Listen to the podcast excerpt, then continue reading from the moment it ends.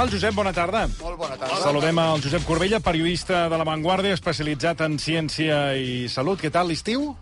L'estiu, mira, a nivell personal fantàstic Bueno, doncs i ja està. a nivell climàtic una miqueta preocupant. Sí, bueno, ja... Bastant ja, preocupant. Ja saps que acabarem tots eh, cuits com, Tots com un ferrat. l'ast. I tu què tal? Molt bé, molt bé, molt bé, molt bé. Molt bé. Moltes, moltes coses, moltes curiositats, moltes, eh, molta calor i... I anècdotes. I, eh, he vingut fins i tot, a, he fet amics, com, com un paràsit, un bacteri... Que feia van que no venir, eh, que van venir a passar a fer estada aquí a Catalunya. molt amics, eh? Molt amics, i bueno, finalment doncs, eh, vam decidir separar-nos perquè un estava acabant amb mi, per tant, eh, bueno, vam decidir que era el moment de que... Ah, una relació tòxica, que en diuen. Ah, aquí està. S'ha produït una relació tòxica a Egipte i mira, a partir d'aquí doncs, és això que passa. Bueno, entrem en matèria, comencem parlant d'un estudi que ens ha cridat molt l'atenció i que tu explicaves a La Vanguardia, eh, i és aquest estudi eh, de la Universitat de Colorado que ha investigat que, eh, què és el que uneix les parelles En el amor. i no... Eh, o sigui, què és el que uneix i no les uneix. I, curiosament, no és allò que es diu sempre ni la personalitat ni l'aspecte físic. Per tant, senyor Corbella, eh, què és el que uneix a les parelles? Què és? Mira, s'ha mirat en, en, pare- en persones que viuen juntes mm? en què s'assemblen i en què són diferents. Això s'ha mirat amb, amb més de 3 milions de parelles, s'han mirat més de 130 variables, s'ha fet una anàlisi molt exhaustiva. I s'ha vist que el que, en què més s'assemblen dues persones si, si conviuen, si viuen juntes, com a parella, més enllà de l'edat, perquè tendim a ser parella de persones que més o menys tenen la nostra Ah, mateixa sí? edat semblant. En general, l'edat s'assembla bastant. Però a part de l'edat, el que més tenim en comú són qüestions culturals, qüestions com la manera de pensar, la ideologia, tant. la religiositat, el nivell educatiu. Això és el que més tenim en comú.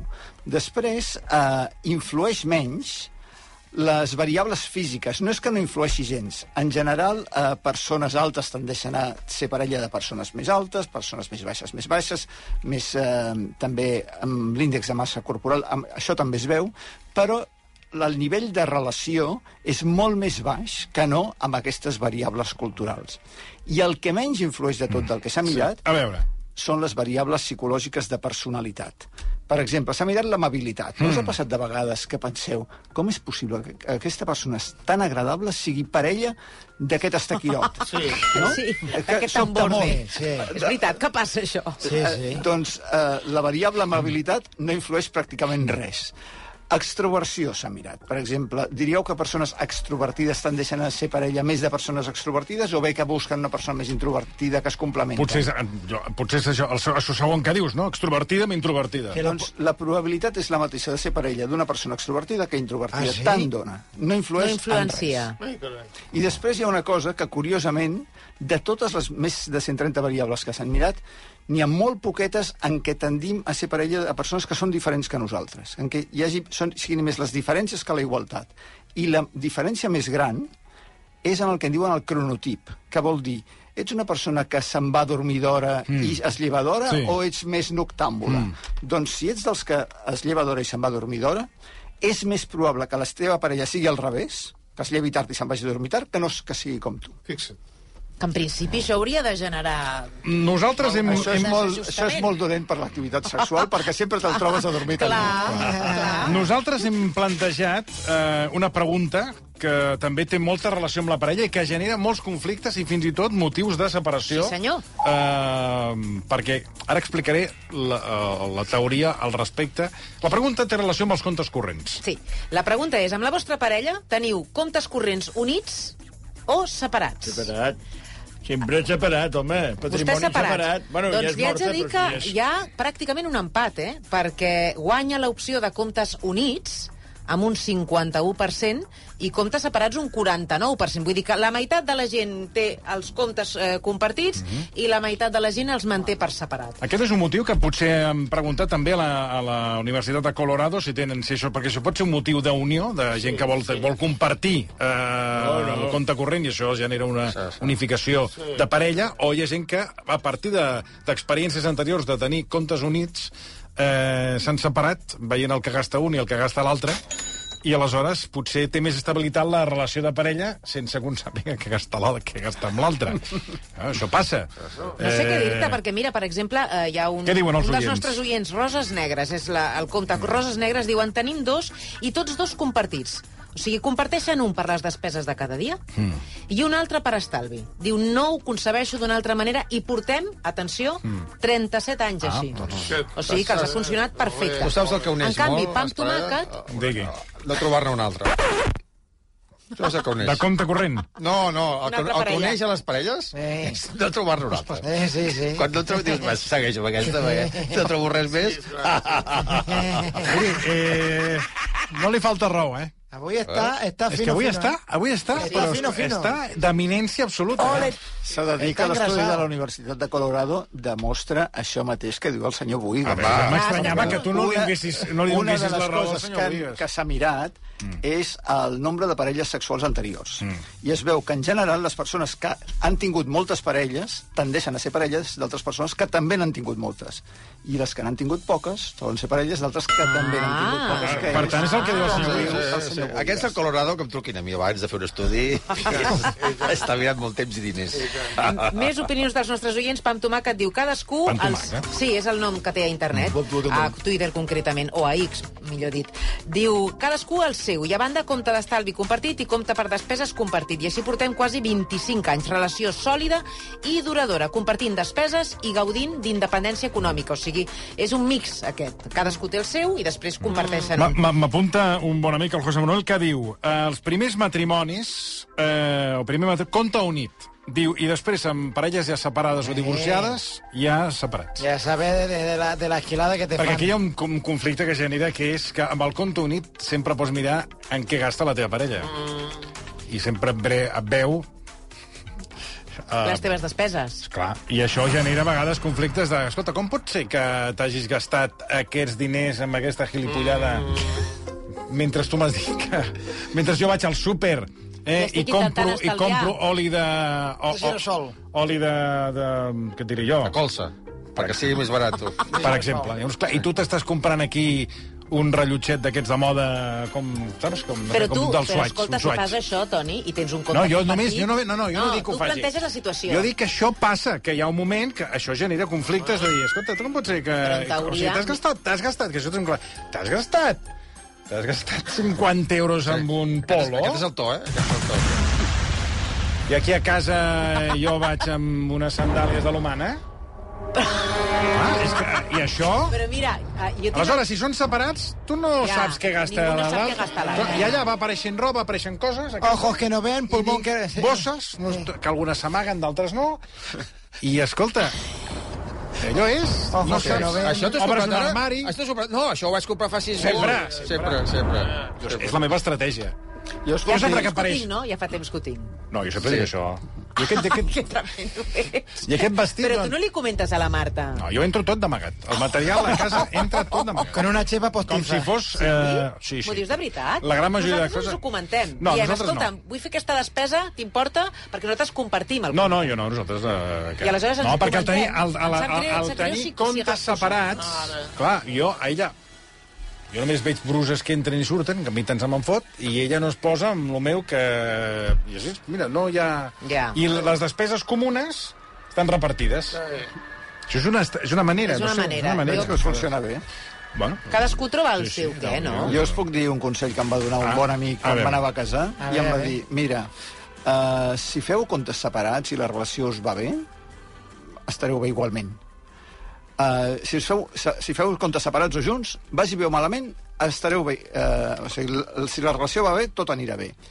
Si la relació va malament, si el matrimoni va malament i els teniu al compte junts, és una font de problemes a l'hora de separar-se. Mm. Per tant, et recomano que els facis separats. Ah. I vam, jo li vaig fer cas, te- tenim comptes separats i en tenim un de comú per les despeses Això és el que fa casa. moltíssima gent. La, la majoria de la gent que ens escriu Ah, diuen que tenen aquesta opció. Separats per despeses clar, particulars. Sí, per, per, per, per tonteries. Però ja us he dit eh, que l'enquesta, eh, mig Sí, sí, mig, eh? 50-50. 50-50. Bueno, doncs ja ho sabeu, les afinitats eh, més de re religiositat, les afinitats polítiques... Eh, I després tampoc està... t- Una de les coses que veig que estan en les primeres posicions és l'edat de la primera relació sexual. Com és això?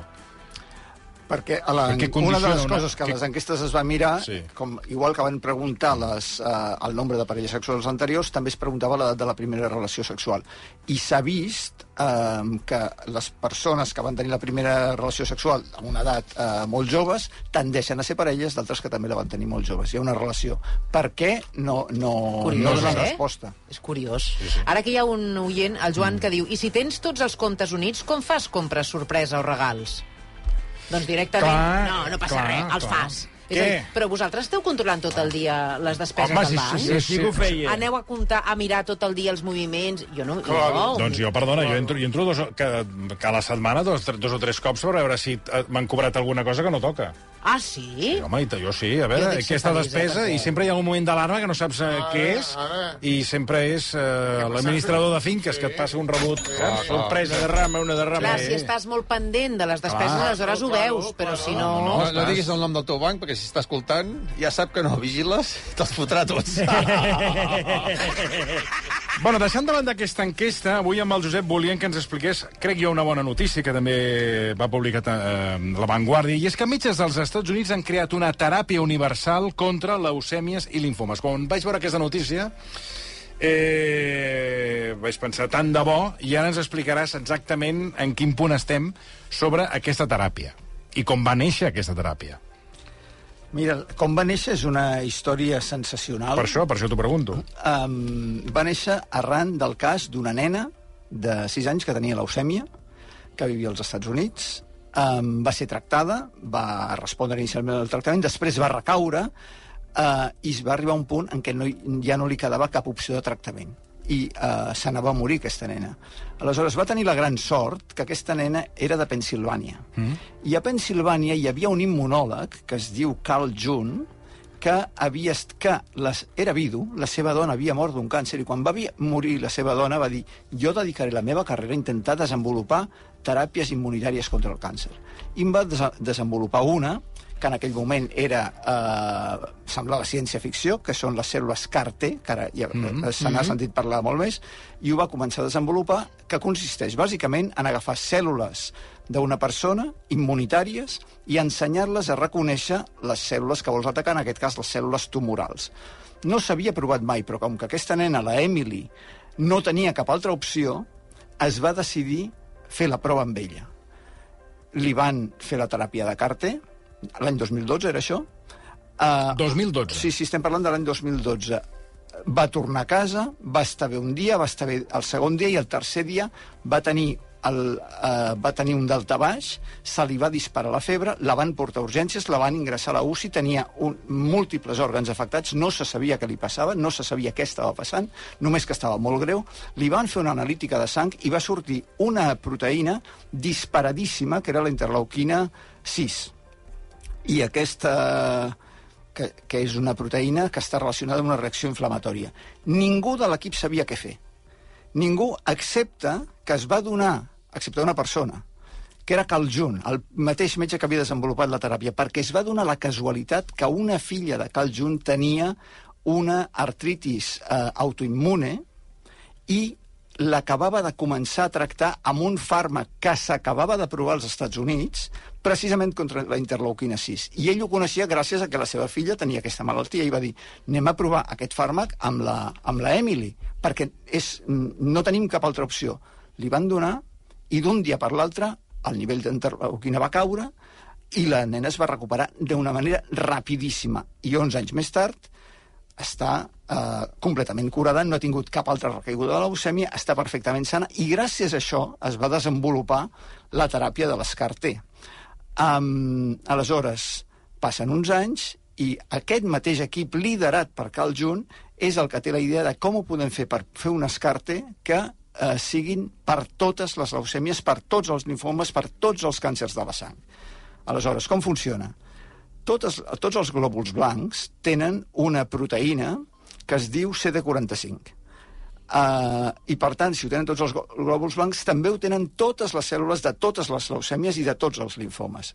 I la idea és, anem a fer una teràpia CAR-T contra la CD45.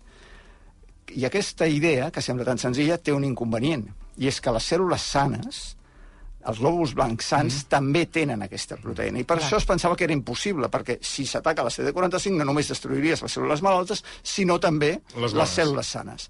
I el gran avenç d'aquesta investigació és haver trobat la manera de atacar les cèl·lules del tumor sense fer malbé, sen, tenint un sistema, eh, unes cèl·lules sanguínies que no són atacades pel tractament. Com ho fan això?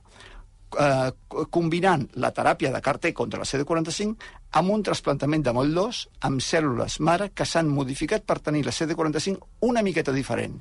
De manera que un cop fet el trasplantament es regeneren totes les cèl·lules de la sang eh, d'una manera que ja no són atacades per aquests linfòcits, per aquestes cèl·lules immunitàries, perquè ja no les reconeixen. I això és el que s'ha presentat i està funcionant. Està funcionant fins ara eh, amb cultius cel·lulars, que és on s'ha començat, i amb ratolins als quals s'han implantat eh, cèl·lules càncer, eh, tumorals, cèl·lules de càncer humanes. Per tant, novament, homenatge als ratolins. Uh, què ve a partir d'ara? Oh, o sigui, ostres, una, una, unes respostes, unes curacions espectaculars en els ratolins amb leucèmies. Uh, què ve a partir d'ara? Uh, uh, continuar estudis amb animals i passar estudis amb persones. Aleshores, quan passarà això? Em vaig posar en contacte amb els investigadors, amb un, amb un dels dos codirectors, un és Kaljun, l'altre és Sargil, que és una estrella emergent de les immunoteràpies, uh, i em va contestar, començarem estudis, uh, assajos clínics en persones, abans de dos anys. Uh, per tant, si uh, estem pensant en, mm, en, el, en els pacients, quan arribarà això a gran escala als pacients, si tot va bé, si els resultats són positius, sempre s'ha de posar el condicional en aquests casos, uh, cap a finals d'aquesta dècada aquesta teràpia podria arribar a un nombre important de pacients. Tant de bo, quan vaig llegir la notícia, en fi, és allò que et genera molta esperança Ah. i, i tant de bo això tiri endavant i sigui una realitat. Escolta, eh, parlem d'una altra qüestió que, que va ser notícia, però que no s'ha explicat ben bé quin era, o en alguns mitjans s'ha explicat, però d'aquella manera, eh, que és que l'Índia ha arribat a la Lluna, senyor, senyor Boigas. No, el Pol Sud, el Pol Sud. Exacte, No sé. exacte. A l'hora de demanar el finançament va dir, anem al Pol Sud, i es van pensar que, bueno, ja et donen els diners, però clar, era el Pol Sud de la Lluna, era més calés, i així van aconseguir els calés, saps? No, eh, però és la pregunta que li anava a fer al Josep Corbella. Per què l'Índia ha triat eh, aterrar, bueno, en aquest cas eh, allunar, a el Pol Sud mm, i per què ho ha fet en aquesta zona tan poc explorada? Mira, eh, per què la Lluna i per què el Pol Sud? Mm. Mira, el Pol Sud de la Lluna... Mira, comencem per per què la Lluna. Um, estem en un moment que el sector espacial està en transformació, ja no és només les grans agències governamentals com la NASA que fan, van a l'espai, sinó que hi ha cada cop més sector privat, cada cop més països. No només l'Índia, Xina, Japó, que avui ha enviat una missió a la Lluna, Israel, que també té previsions de missió a la Lluna, més països que hi volen anar, que volen eh, te- tenir un sector espacial eh, potent, competent. Aleshores, la Lluna té, per una banda, un avantatge propagandístic, que és que la Lluna tothom ho veu i surt a tot arreu. I l'any vinent hi ha eleccions a la Índia. I Modi es presenta com mm. el, un gran líder que impulsa el desenvolupament del país. I això, a nivell d'imatge, l'èxit d'aquesta missió, doncs ja forma part d'aquesta estratègia de dir que bons que som a la Índia, no? Però després hi ha una part que, és, eh, que va més enllà de les eleccions de l'any vinent, que és que el sector espacial, com que s'està redefinint, hi ha ara una nova cursa espacial, una nova cursa, eh, i qui, es, qui està primer a la graella de sortida és qui probablement estarà a les primeres posicions els propers anys. Aleshores, eh, la Lluna, eh, si arribes primer al pol sud de la Lluna, què, què aconsegueixes? Que, que no hi arribi primer la Xina o que no hi arribin primer d'altres i que quan tu hi vulguis anar ja no hi puguis anar. I què té primer que arriba, primer que seu. Això ja Com a vostè. com a mínim, com a mínim forma part de, de la, en fi, fi, del grup de països i del grup d'empreses que estan allà. Ser. Um, I aleshores, per què el Pol Sud és tan interessant? Perquè al Pol Sud de la Lluna hi ha aigua, hi ha aigua gelada. I per tant és el lloc on és més eh, prometedor construir-hi una base per enviar-hi persones en el futur. Per tant, el lloc més valuós per anar a la Lluna és el Pol Sud, on a més a més també hi ha eh, minerals que possiblement en un futur es vulguin eh, aprofitar. I amb aquestes colors... No, i el, el, és el que anava a dir, el ritme que anem i amb aquest canvi climàtic que no hàgim d'anar tots a viure a la Lluna al pol, al pol Sud, sud, sud. que és on hi ha aigua, fred, perquè la cosa està, aquí que la cosa està fatal. Escolta, i abans que marxis, eh, hi ha hagut, s'ha detectat un cas de dengue autòcton a Reus. Això què vol dir autòcton? És a dir, que és un... Autòcton vol dir que s'ha la persona que té aquest cas, que és un nen, eh, s'ha infectat aquí, s'ha contagiat aquí. La, el dengue és una malaltia que en general és d'origen tropical. Sí, per això, clar. Eh, que Um, sorprès que sigui aquí, no? De, de, autòcton d'aquí. Clar, el, la majoria de casos que es detecten aquí són de persones que han viatjat a zones amb dengue, aleshores aquest nen no havia viatjat, per tant vol dir que s'ha contagiat aquí. Qui l'ha contagiat? Un mosquit. Perquè, el, perquè això no es transmet de persona a persona, sinó que es transmet d'una persona a un mosquit i del mosquit a la persona. Per tant, aquest mosquit eh, o bé ha vingut en avió, cosa altament improbable, mm -hmm. o bé ha picat una persona que té dengue aquí sense saber-ho i després ha picat el nen. Per I això ja el podria contagiar. O sigui, si un mosquit pica algú amb dengue... Sí, sí, així és i com es pica, transmet. I pica un altre, ja està. Sí, sí, passa d'una persona a l'altra a través dels mosquits. A través, no de qualsevol mosquit. Mosquits del gènere Aedes, però aquí en tenim uns que són els mosquits tigre, que Sí, són d'aquest gènere. Per tant, el mosquit tigre, si pica una persona amb dengue i després pica una persona que no té dengue, li pot transmetre. Bueno, pues mira, ya queríais aquí las cosas y todo esto, pues está clarísimo, ¿me a qué entiende? digo, ¿eh? Bueno, eh, Que li, que, me estoy ahogando. Estat, això? Me estoy ahogando. ¿Qué? Pues que alguien de por ahí ha traído el regalito, ¿me entiendes? No, Lo mismo que pasó con estat los pepinos. Un, un mosquit, no? Ha estat un mosquit. Mosquit. Un no, ahí no, sí, alguien de por ahí, un. O alguien de por ahí venido aquí con el dengue, el mosquito se ha chupado ahí, le ha chupado la sangre, y después, pues mira, lo mismo que pasó con los pepinos alemanes, hombre. Sí, aquellos pe- cugombras, los pepinos. no sí, recuerdo. hombre, sí, lo conté en Radio Isla Perpetua. Y yo te diría, hostia, yo no me voy de, de turista a Alemania. ¿Qué te deben dar en esos hoteles tú? Pues no sé. Porque allá no te crees que deben haber muchos alemanes eh, de pinches de cocina, ¿eh? Todos son de por ahí, ¿eh? Ah, sí. Hombre, Ah, hombre. o sea que los pinches no son de allá. Vamos, y ves a saber lo que debe pasar. Pues mira, de por ahí los pinches de cocina, el dengue... Estem parlant de mosquits, no de Sí, pinches claro. En tot cas, per, permetem afegir, sí. abans d'espantar-nos, el més probable mm. és que no tingui, tinguem a partir d'aquí cap gran brot de dengue, sinó que tinguem, eh, en fi, aquest Espera, cas, sí, n'hi bueno. haurà algun altre que no s'ha detectat. Ara entrem a una època de l'any que l'activitat dels mosquits va a menys, i no sé si recordeu, ara fa aproximadament un any, també a Reus es van detectar dos casos d'infecció per virus del Nil Occidental, també transmès per mosquits. I es va dir, vaja, el virus del Nil Occidental, això vol dir que ja ha arrelat a Catalunya. Sí. Des d'aleshores no n'hi ha hagut més. Quants No, casos? ni- Clar, perquè hi hauria d'haver molts més casos. Com? Perquè hi hagi... Perquè això s'estengui hi ha d'haver molts més casos, no un cas puntual. Sí, de- d'entrada, perquè el 80% dels casos no fan símptomes, per tant, hi pot haver casos que no es detecten, Bueno, bueno. um, i després, perquè ja et dic, ara entrem en una època Sí, de menys activitat Bueno, de mosquits, de menys calor i, per tant, de menys eh, un risc de transmissió Según- de malalties per mosquits. per tant, estem al final de l'estiu. Si això mateix passés al mes de juny o juliol, potser s'hauria... pot- Aguanta. Potser la previsió dels mesos següents seria diferent, però ara la previsió és que això eh, no faci cap gran brot. Os están aquí untando como si fuerais aquí turraretas Bueno, va, venga, con va, mantequilla para que no digáis la verdad. Eh, Josep Corbella, moltíssimes gràcies. A vosaltres. Eh, ben retrobat.